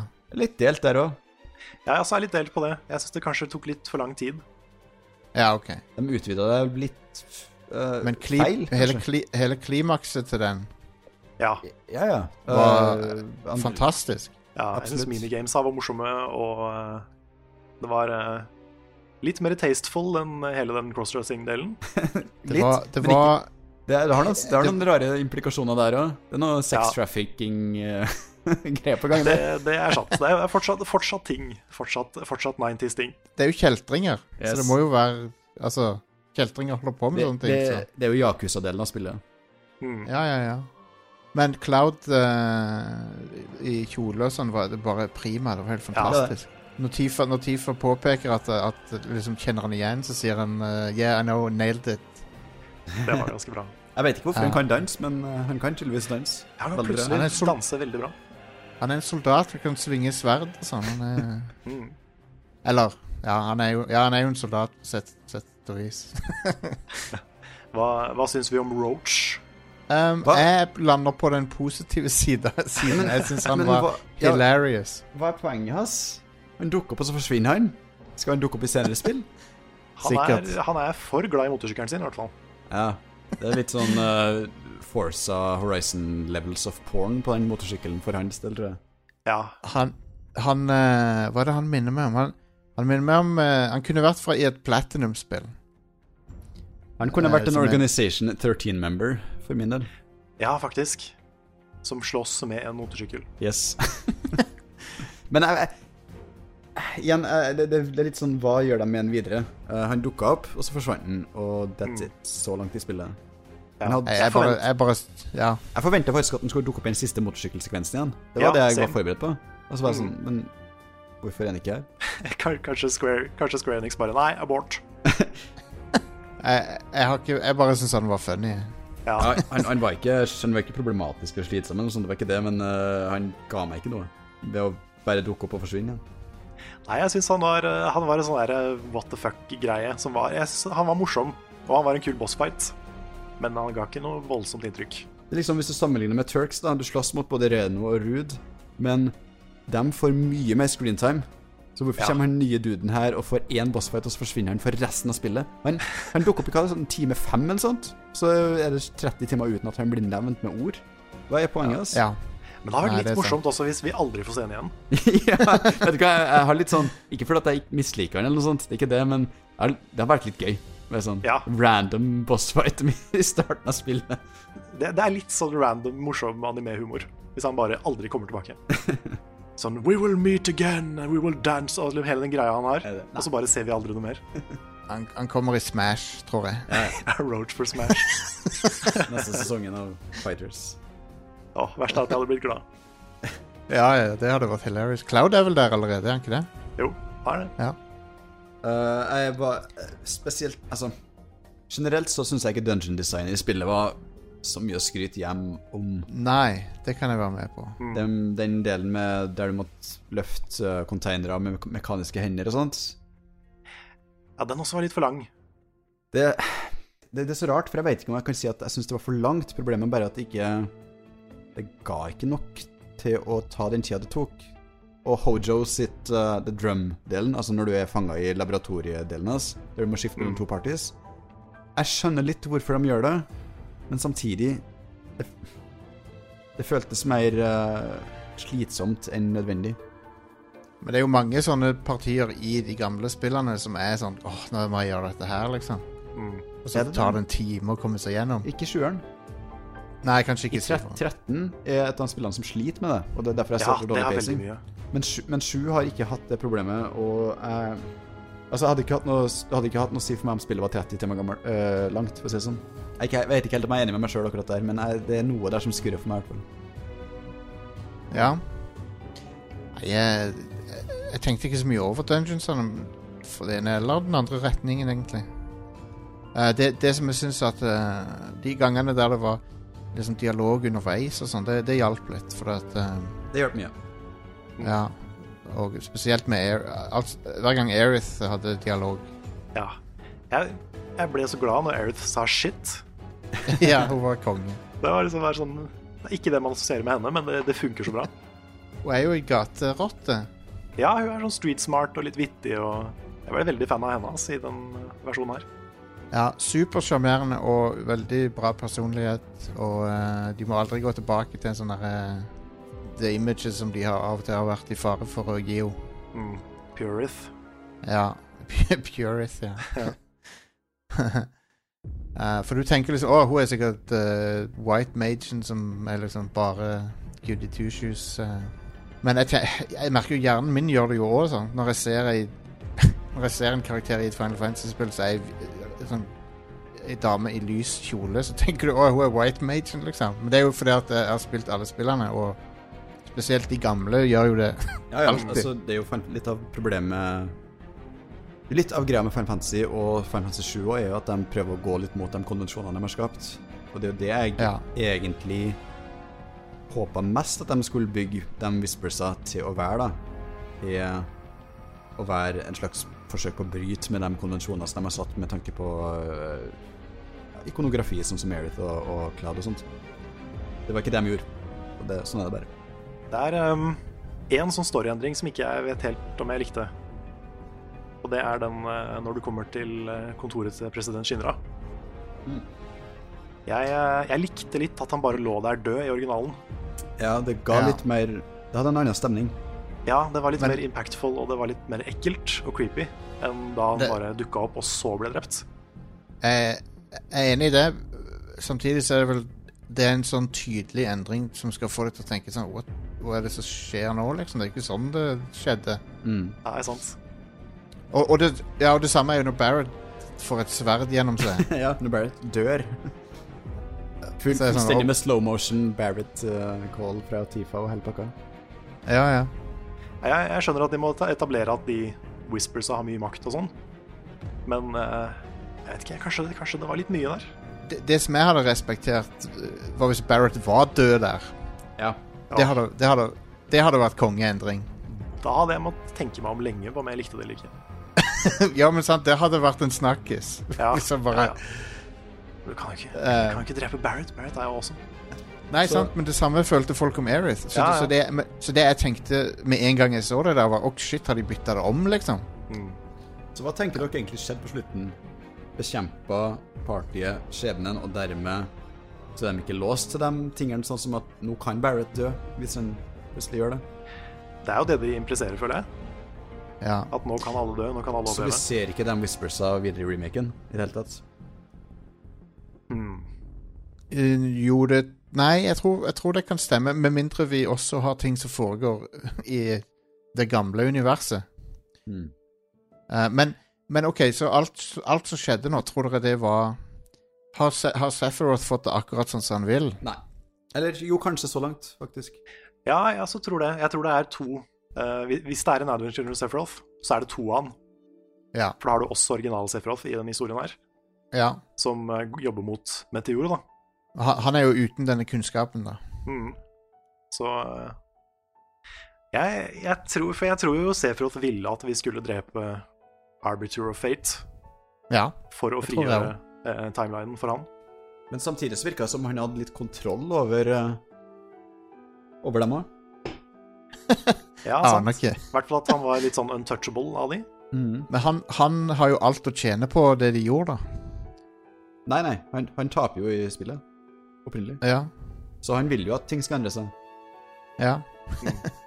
Jeg, må, jeg likte Bare en detalj jeg likte veldig godt, var at Aerith uh, fikk sjanse til å så banke opp Sephiroth bitte litt yes. i, i bossfighten. sant.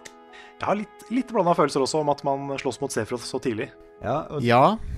For det, han, han, blir så, han blir så tydelig bygd opp som en sånn uovervinnelig kraft i originalen.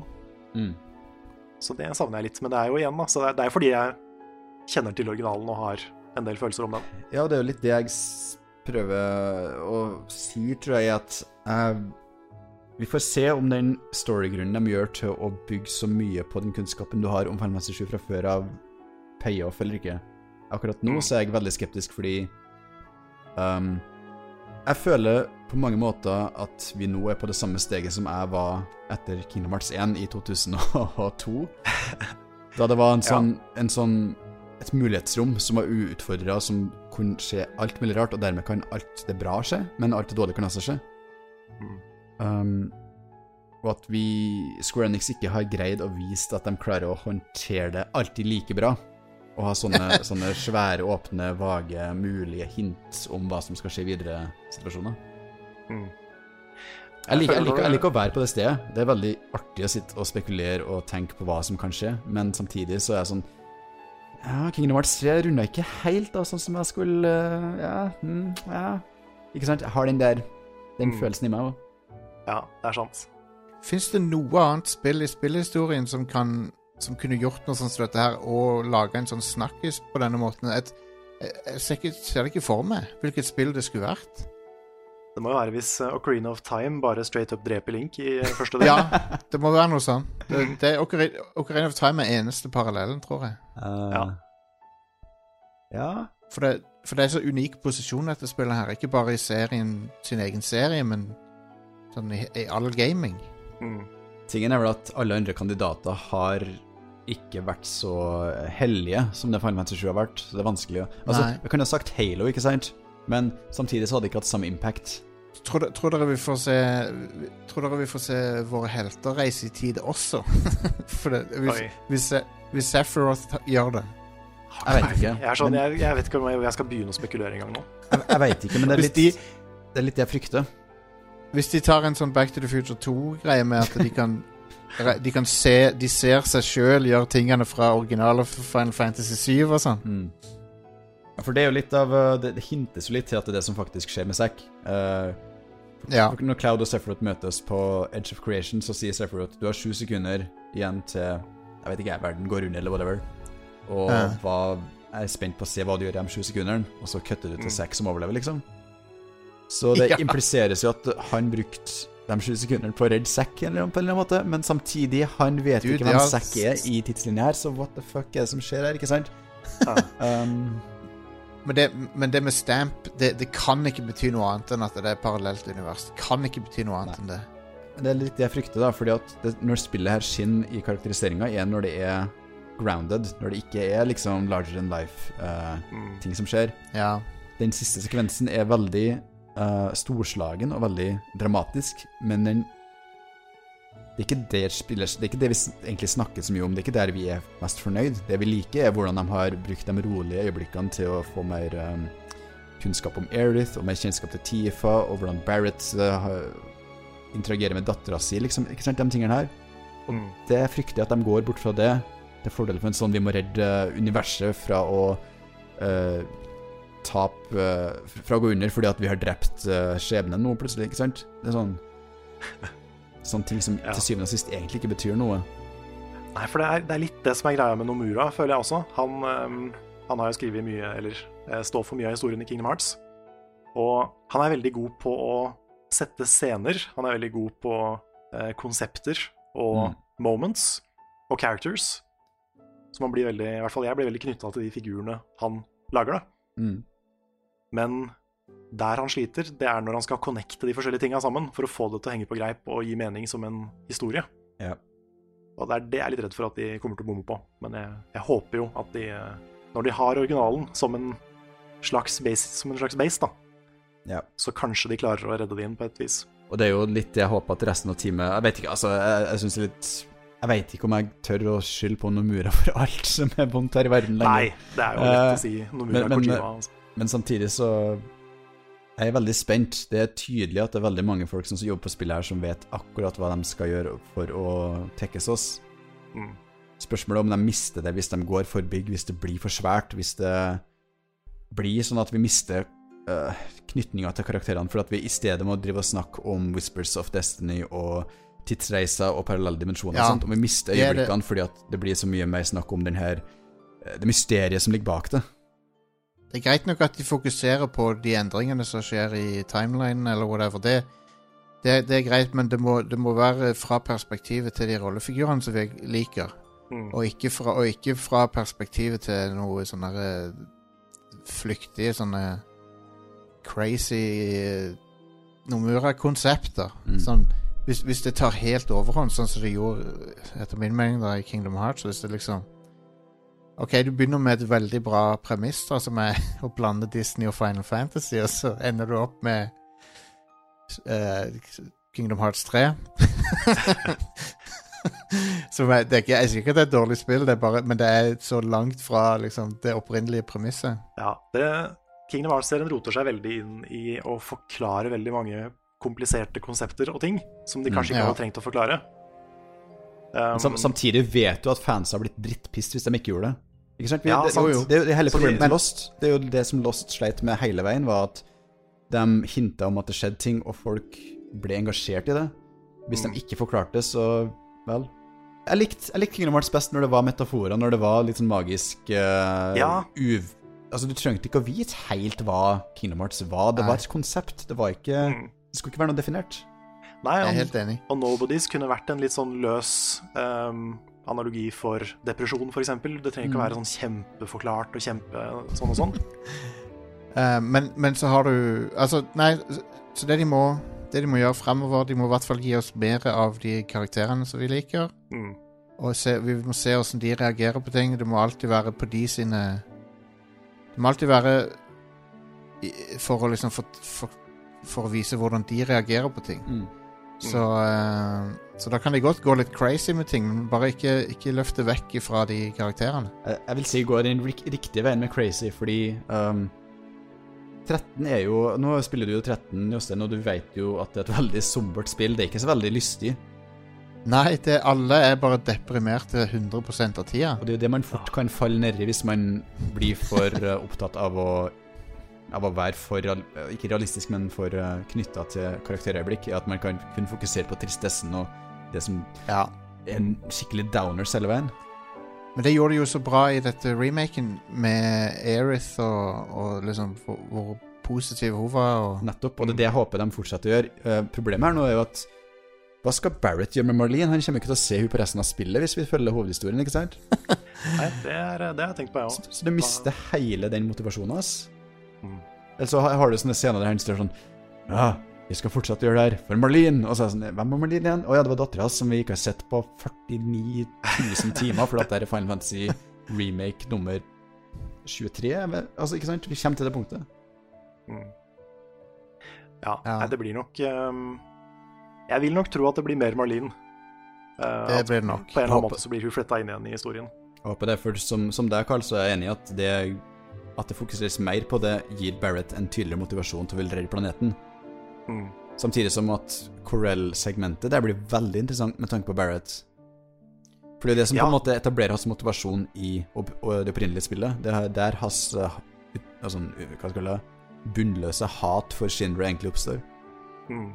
Ja, jeg, er veldig spent på å se det tilbakeblikket. Det håper jeg de har med. Jeg likte jo det at uh, Var det Shinra-presidenten som som prøvde å manipulere Barrett litt med å så si at kanskje du ikke, kanskje du ikke har så veldig noble uh, hensikter likevel, liksom. Ja. Det var litt kult. Ja, det, det jeg, for det var det litt av det du mislikte, Carl, var jo det at de uh, har utbrodert den scenen og endra den såpass. Mm.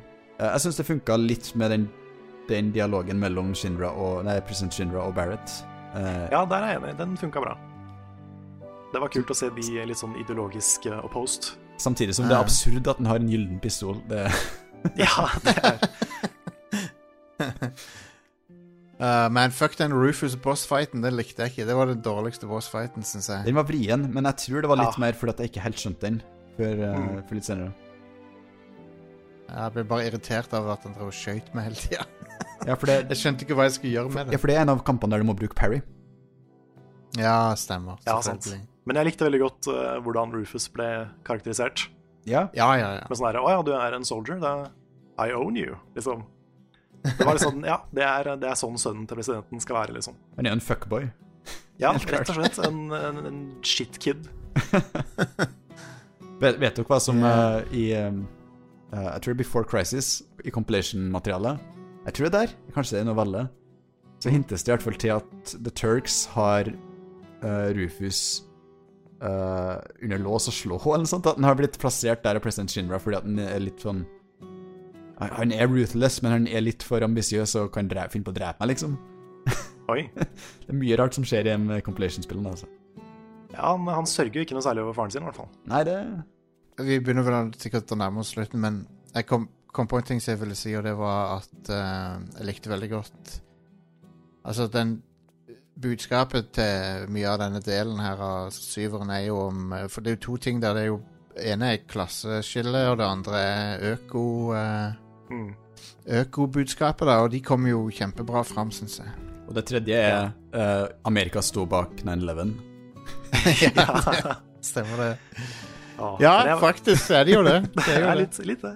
Sprengt sine egne bygninger for å få starte en krig mot Butai, Akkurat det. Ja. Amerika. Ja. For å få eh, tilgang på eh, naturressurser. Hmm. Det har jeg faktisk ikke tenkt på, men det er, eh, det er litt morsomt. Men, men, men det er jo litt kult at, de, at det er et sånt st- storbudsjettspill som har en så tydelig uh, Det handler om sånne ting som som ikke legger lokk på noen av de tingene. da. Mm.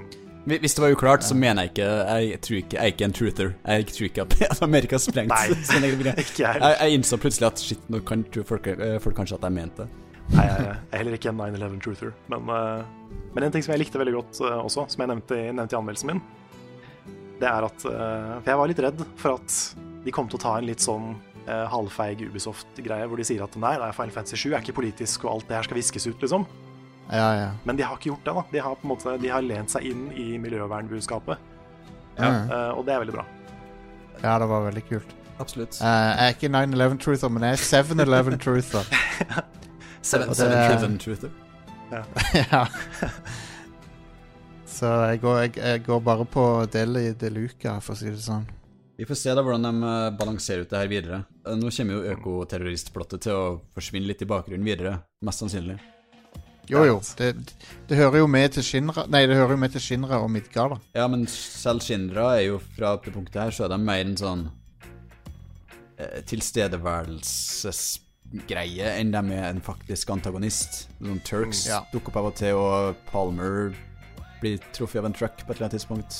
Ja, å, jeg gleder meg til det. Sid, Sid eh, må jo dukke opp på et eller annet tidspunkt. Ja. Kanskje. Jeg vil, jeg vil tro mesteparten av, av Shinra-plottet fra nå kanskje fokuserer mest på Reeve og Kate Sish. Uh, Åssen sier man det? Ja, vi- jeg veit ikke. Noe sånt. Jeg tror det er Kate, Kate, Si. Kate, Kate She? She? Ja. ja, da jeg var liten, trodde jeg det bare var Kate Sith, men det er jo ikke det. Nei. Men vi så jo han Darth òg. Ja. Jeg lurer veldig på hvordan de kommer til å gjøre ham.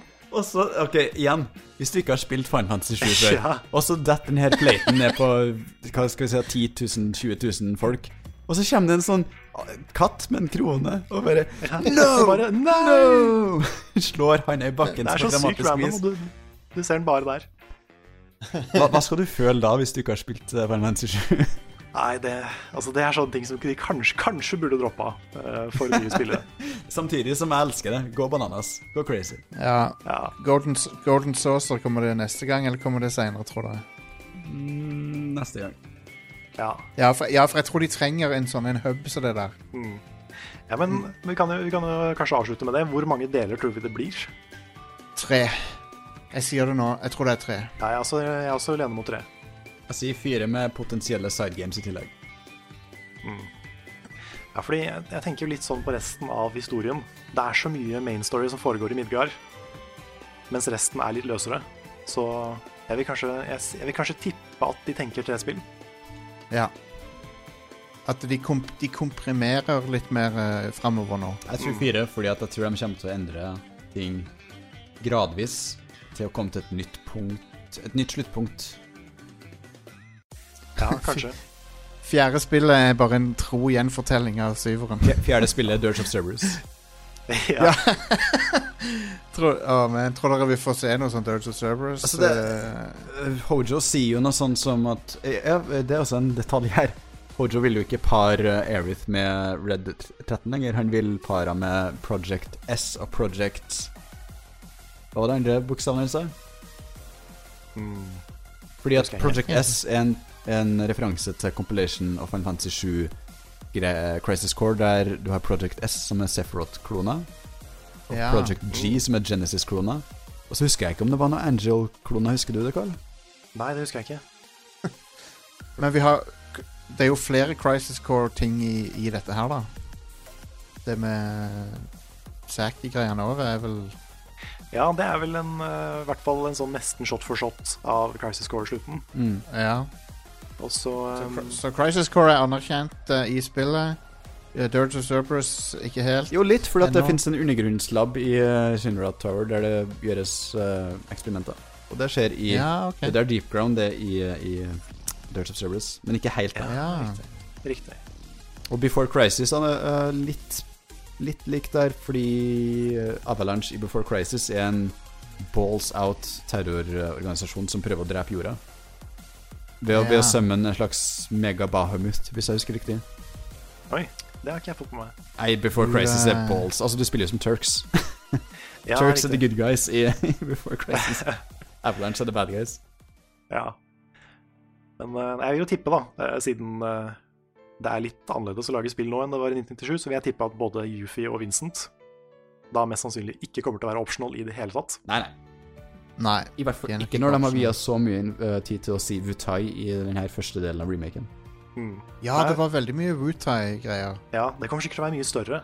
Uh, og Yufi kommer sikkert til å være på en måte vinduet inn i Wutai. da. Det kan, Clan. det kan bli interessant å se, se hvordan de takler det, for det er en tydelig analog til liksom uh, imperialisme og, og det å ta over andre land og liksom det. Og se Mm. hvordan de takler det. Det, det er jo en eh, Det er en parallell med Vesten og Kina, er det ikke det omtrent? Mm. Eventuelt uh, andre verdenskrig i Japan. Ja. Ja, det er det vel kanskje, ja. Kanskje det er sånn de fletter Shinra mer inn videre? At vi har en større historie i USA? Ja. Det er mulig. Det kan godt hende. I stedet for Don Corneo å kidnappe Elena og henge opp på en fjellvegg. Ja, det kan hende. Ja. Det, Snak, snakker vi 2022-2023 til neste? Jeg tror vi får høre noe om del to allerede i år. De har begynt, de jobba med det fra i hvert fall november i fjor, tror jeg. Så Ja. um, jeg blir ikke overraska hvis vi får en trailer om noen måneder, kanskje. nei, kanskje. Jeg vil tippe, tippe 2022. De har liksom engine nå, Ja, de har det. og de må jo lage til nye konsoller, da. Det er det Det, det spørs helt hvordan de gjør uh, delene videre. Kommer de til å bruke samme kampsystemet? Kommer de til å fortsette å holde den lineære strukturen? I så fall vil, så tar det ikke så lang tid. Det vil jo være bananas å endre på alt det de har, alt det de har bygd til dette spillet. Det er jo helt crazy hvis de tar og bytter kampsystem nå. Ja, men, Kan jo ikke eh, gjøre det. Altså 13 til 13.2 endra litt på kampsystemet. Ja, Jo, jo. Så, så på den måten så kan de tweake det, liksom. Kingdom Hearts-spillene har i bunn og grunn samme kampsystem, men ikke helt mellom seg. En annen ting er at du har jo maks level på 50 her. Ja. Så jeg er spent på om det kommer til å være noe save-import. Det tror jeg ikke. Jeg tviler veldig sterkt på det. Eh, jeg, jeg klarer ikke helt å se for meg hvordan de skal gjøre det, fordi at du har blitt ganske kraftig her, og med mindre du skal uh, gate det som en MMO, så ser jeg ikke helt hvordan du skal fikse det. Men de må vel De må jo gi deg liksom en håndfull sånne ting fra starten av, sikkert, eller noe sånt noe. Kanskje de metroider det? det Yu- Yuffie kommer Ja. på starten og stjeler materiene dine. Nei, ikke gjør det. Please, ikke gjør det. Men Åh, det kunne faktisk save, vært imp save import eh, tror jeg nesten er utelukka. Samtidig så ble det gjort en del valg med tanke på Tifa Aerith uh, allerede spillet her. Så. Ja, for det er litt det jeg tenker, at de bygger opp en del ting, og så har du liksom Ja, et gradvis større materia, uh, altså flere materia som du har levela opp underveis, da. Ja, men problemet er at du har Firaga, du du har, du har Blisaga, du har Tundaga, du har Kuraga allerede. Du har absolutt alle de der NG-materiene plassert. Ja, det er sant, det. Så dere, så dere alle kjolene? Nei, jeg Hadde ikke så det. mange. Det er ni, ikke det? Jo, Jeg har bare sett jo. tre av de. Jeg har sett noen bilder Det- på Twitter, her, men jeg har ikke liksom oppsøkt det. På, altså både Aerith, Tifa og Cloud har 18 kjoler hver, De liksom. har sikkert tre hver, da. Siden det er ni totalt. Tre hver, ja. Så det, var, det er veldig artig. Så For en ting å putte masse detaljer inn i. Ja, ja. Men eh, det- jeg respekterer det. Mm. Men det er jo sånne ting som at du bare Du kan bare ha én ehm, Ikke synergy, men elemental Nei, ikke elemental. Mag Magnify, er det mener jeg. Magnify. Magnify. Du kan bare ha én Magnify materia. Også kjent som All, for uh, you old Final Fantasy 7 heads out there. Yeah. Ja, Så jeg vet ikke, det, det- er liksom noen begrensninger som det gir litt mening å bygge videre på, kanskje. Vi får s Ja. Jeg er litt hmm. Jeg skjønner hva dere sier. Jeg er skeptisk, for jeg tror de laga systemer med tanke på ett spill, og ikke laga det for å utvide. For Jeg klarer ikke helt å se hvordan de skal utvide uten å starte på nytt. Nei, det, det er vanskelig å sette for seg. Men jeg har jo spilt litt Final Fantasy 14, altså de har jo liksom gjort det før. Ja. Du har jo Bahamut i det spillet her. Kanskje du har eh, neste Bahamut i neste spill, og så har du Bahamut Zero. I, Ja, men allerede i spillet her så klarer du å nå 9999 HP. Betyr det at du neste spill når 50 000 HP? Eller eh, altså, liksom Hvis du skal bygge en sånn skalerende system, så har de ikke gjort det her, føler jeg. Nei, For da, da må du, Nei, da må du erstatte Blisaga, Kuraga, eh, Firaga og Søndaga med ting. ja. Eh, du må Kanskje- erstatte med enda kraftigere elementer materiaen- materias. Kanskje materiaen resetter seg. Jeg vet ikke. Jeg så, jeg så et bilde Jeg fikk tilsendt et bilde av en kart- Biola-kartong der. Der det var Så hadde de skrevet Bio over Biola, og så var det Biola-logoen, og så var det Biolaga under. hadde de skrevet det er så enkelt, men det er så gøy. Ja, det lo jeg av. Og med det kan vi kanskje tenke på å runde av? Nei, nei, Ja, det det- er ikke mer å si. Summons. Ja. Vi har ikke snakket om Summons i det hele tatt. Nei, nei. Jeg skulle bare si at Jeg skulle egentlig bare si at jeg syns at uh, Summons har de løst bedre enn noe andre moderne Fantasy her. Var det ikke ganske likt 15 sin, da? For at du, du, det er kun i spesielle eh, situasjoner der du kan summone. Jo, men mye oftere. Og Mm. uh, de er med å slåss i kampen, og du kan bruke ATB for å utføre skills.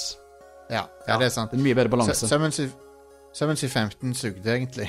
Ja, det gjorde det. Jeg tror jeg, jeg, tror jeg så sånn fire Summons på, totalt men- i 15. ja. Ok, Yeah. ok, dere skal få gå nå. Greit.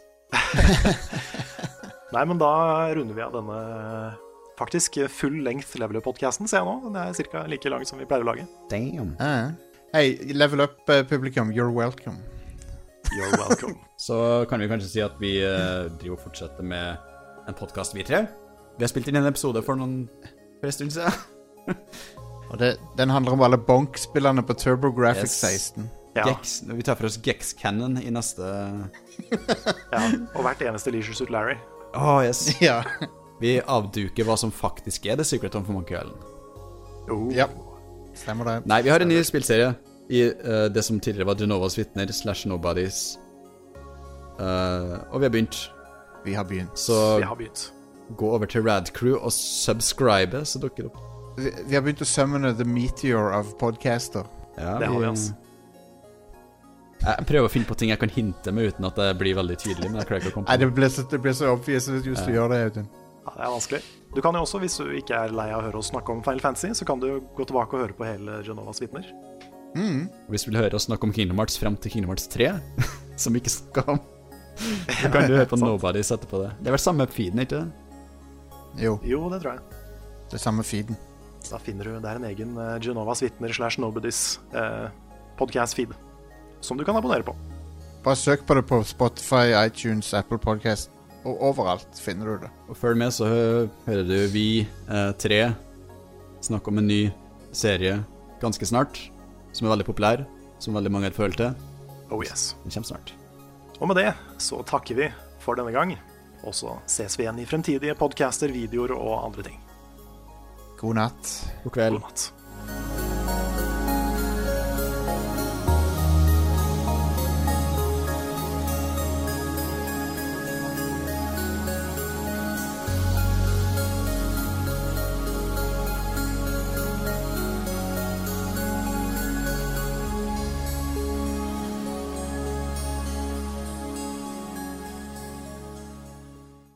Har du et enkeltpersonforetak eller en liten bedrift? Da er du sikkert lei av å høre meg snakke om hvor enkelt det er med kvitteringer og bilag i fiken, så vi eh, gir oss her, vi. Fordi vi liker enkelt. Fiken superenkelt regnskap.